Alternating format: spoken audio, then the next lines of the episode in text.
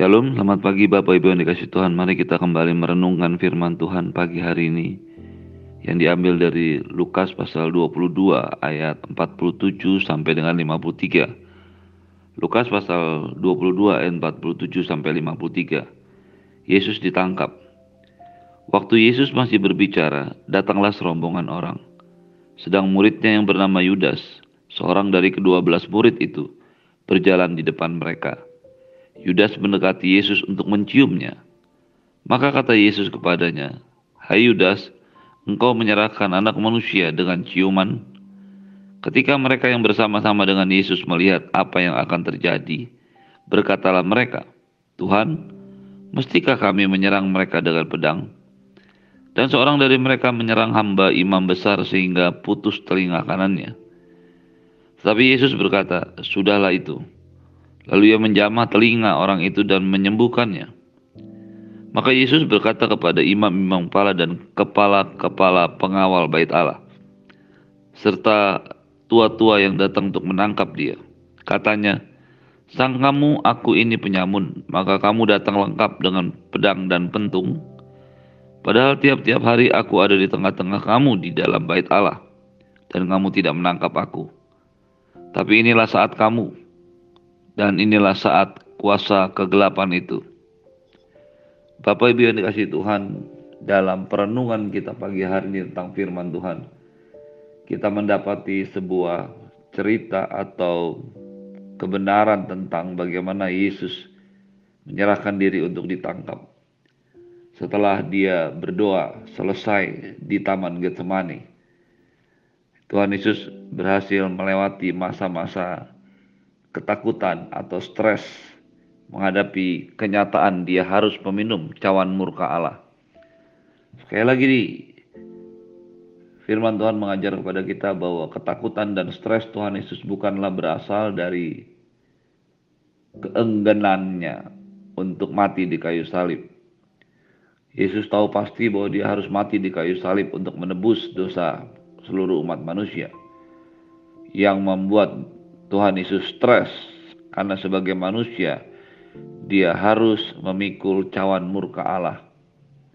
Itu sebabnya mengapa dia selalu berpesan kepada murid-muridnya untuk berdoa supaya jangan jatuh ke dalam pencobaan.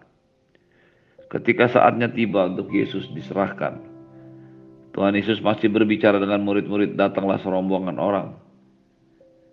Dan dari rombongan itu terdapat juga Yudas, seorang yang sudah bersama-sama dengan Yesus tiga tahun lamanya.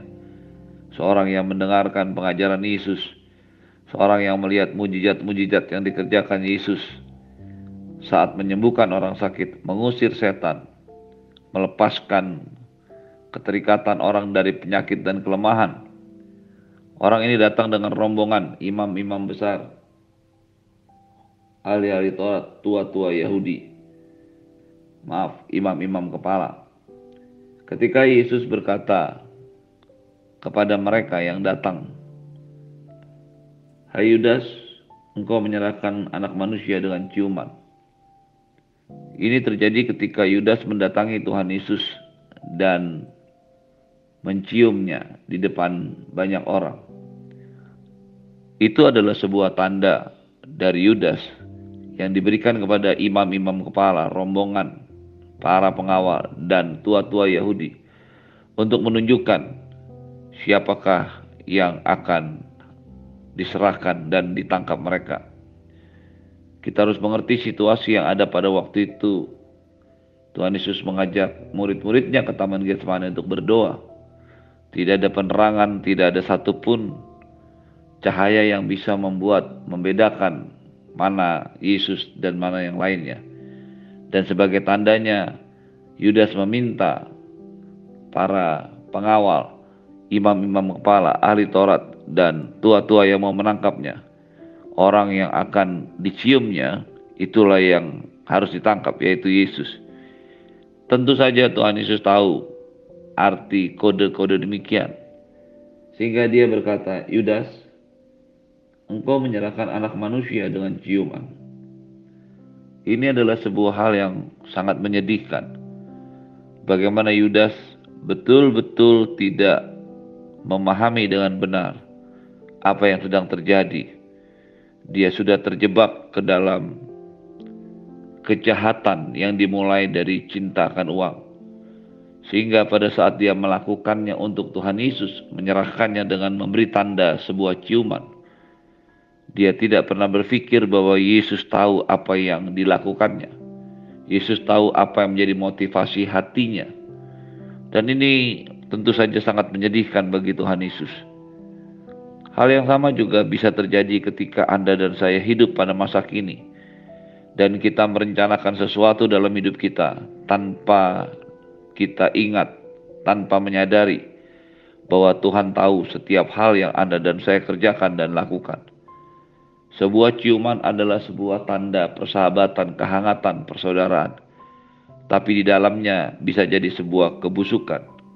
Hal ini menjadi peringatan buat Anda dan saya yang hidup pada masa ini, yang kelihatannya sedang mengerjakan sebuah perkara yang bagus – ada orang yang bekerja, ada orang yang berbisnis, dan mereka selalu berkata di depan banyak orang bahwa mereka melakukan pekerjaan dan bisnisnya untuk Tuhan. Bahkan tidak jarang juga ada orang-orang yang mengatakan dirinya melayani Tuhan. Orang-orang yang menyatakan dirinya sebagai hamba Tuhan. Orang-orang yang menyatakan semua yang dilakukannya untuk Tuhan.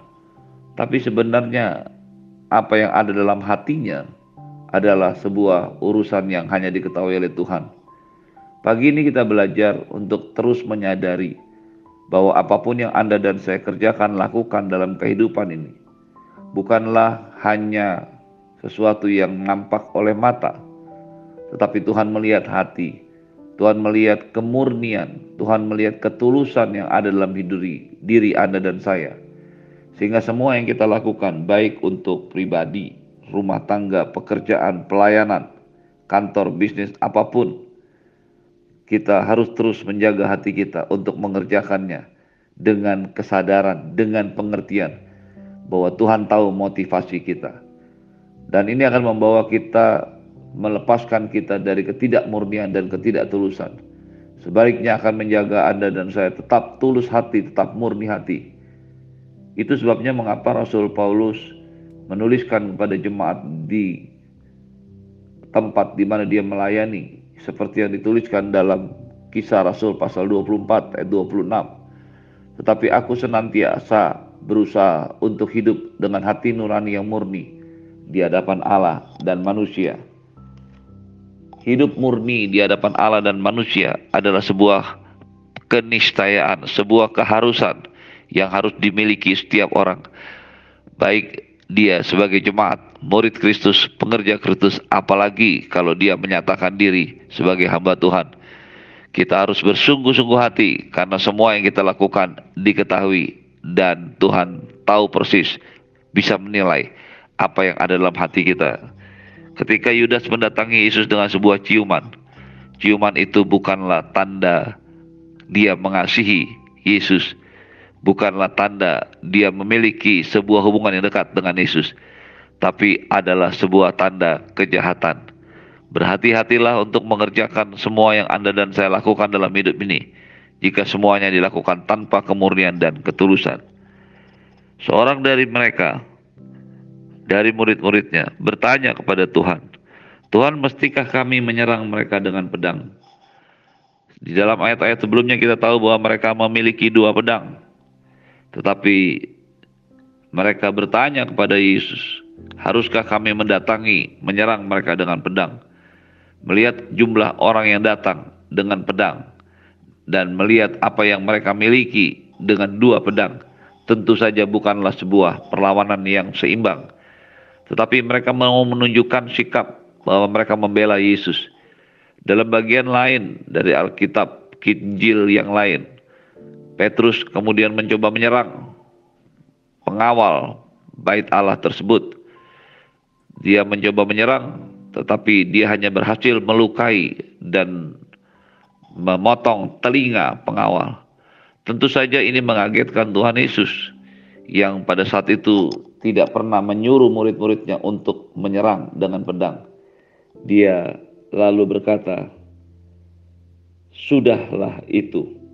Lalu ia menjamah telinga orang itu dan menyembuhkannya. Hal ini menjadi sebuah bukti lagi bahwa pedang yang dimaksudkan Tuhan Yesus untuk dibawa ketika dia mengutus murid-muridnya bukanlah pedang untuk menyerang, bukanlah pedang untuk melukai, bukanlah pedang untuk membela diri, tetapi lebih daripada kesiapan mereka untuk berjalan dengan membawa pisau untuk digunakan sebagai alat bantu ketika mereka satu kali harus melarikan diri karena aniaya yang besar.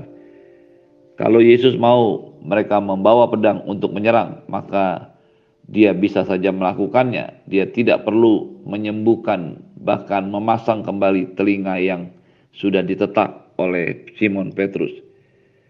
Ketika Yesus berkata kepada imam-imam kepala dan kepala pengawal serta tua-tua, dia justru bertanya kepada mereka, Sang kamu, aku ini penyamun, maka kamu datang lengkap dengan pedang dan pentung. Tuhan Yesus ingin menyatakan kepada mereka, dia tidak perlu, mereka tidak perlu datang dengan membawa pedang dan pentung. Karena mereka mau, mereka bisa melakukannya. Karena setiap hari dia berada di bait Allah dan mengajar. Tiap-tiap hari aku ada di tengah-tengah kamu di dalam bait Allah dan kamu tidak menangkap aku.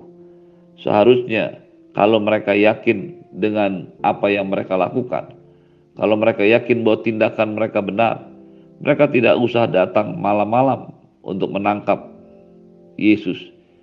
Karena tiap-tiap hari Tuhan Yesus ada di bait Allah. Dalam bait Allah dia mengajar.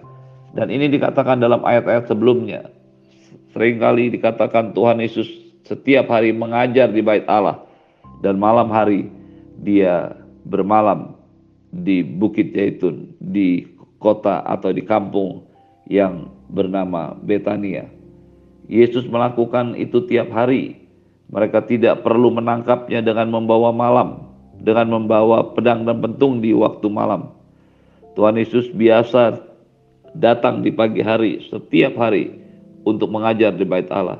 Dan malam pun dia tahu, mereka tahu tempat di mana Yesus tinggal, yaitu di Bukit Zaitun, di kampung bernama Betania. Mengapa mereka harus menangkapnya malam-malam ketika mereka dapat menemukan setiap hari?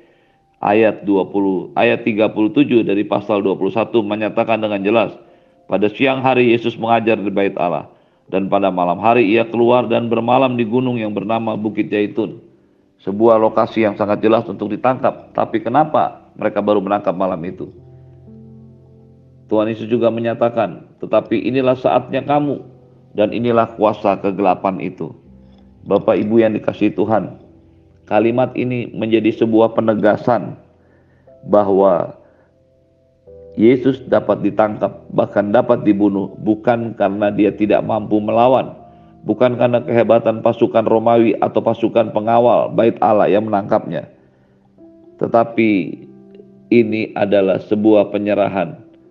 Inilah saat kamu, dan inilah kuasa kegelapan itu. Yang Yesus maksudkan adalah penangkapan dirinya, penderitaan dirinya, penyiksaan terhadap dirinya bahkan kematiannya di kayu salib merupakan sebuah hal yang bisa dilakukan karena ia menyerahkan diri. Dengan jelas Yesus mengatakan, "Inilah saat kamu dan inilah kuasa kegelapan itu." Tidak ada seorang pun yang bisa menangkap Yesus kalau dia tidak menyerahkan diri. Tidak ada seorang pun yang bisa membunuh Yesus kalau dia tidak menyerahkan nyawanya. Ini menjadi sebuah penegasan bahwa apa yang dilakukan oleh Tuhan Yesus menjadi sebuah gambaran dari kehidupan setiap orang yang menjadi murid-muridnya. Semua yang terjadi dalam hidup ini di bawah pengaturan dan izin daripada Tuhan. Iblis tidak pernah bisa melakukan apa pun terhadap Yesus dan juga terhadap pengikut-pengikutnya tanpa diizinkan oleh Bapa. Bahkan iblis tidak bisa mengambil nyawa kita karena yang menciptakan nyawa kita itu adalah Tuhan. Iblis tidak pernah menciptakan nyawa kita. Tuhanlah yang memberikan kepada kita nyawa dan kehidupan. Kalau Tuhan yang menciptakan dan memberikan kehidupan kepada setiap orang, maka Tuhan juga yang berhak untuk mengambilnya. istilah malaikat pencabut nyawa sering kali membuat kita kabur pengertiannya bahwa seolah-olah iblis punya kuasa, iblis punya hak untuk mencabut nyawa kita. Ayat ini mengatakan dengan jelas, inilah saatnya kamu dan inilah kuasa kegelapan. Kalau mau melihat kuasa kegelapan, lihatlah apa yang dilakukan oleh para imam-imam kepala, pasukan bait Allah, dan tua-tua Yahudi. Tetapi mereka tidak akan pernah bisa menyentuh Yesus kalau Yesus tidak menyerahkan diri. Inilah pekerjaan roh jahat, inilah pekerjaan kuasa kegelapan. Dengan ini Tuhan Yesus ingin menyatakan siapa sebenarnya pihak yang berada di balik semua orang-orang yang berusaha menangkap, membunuhnya.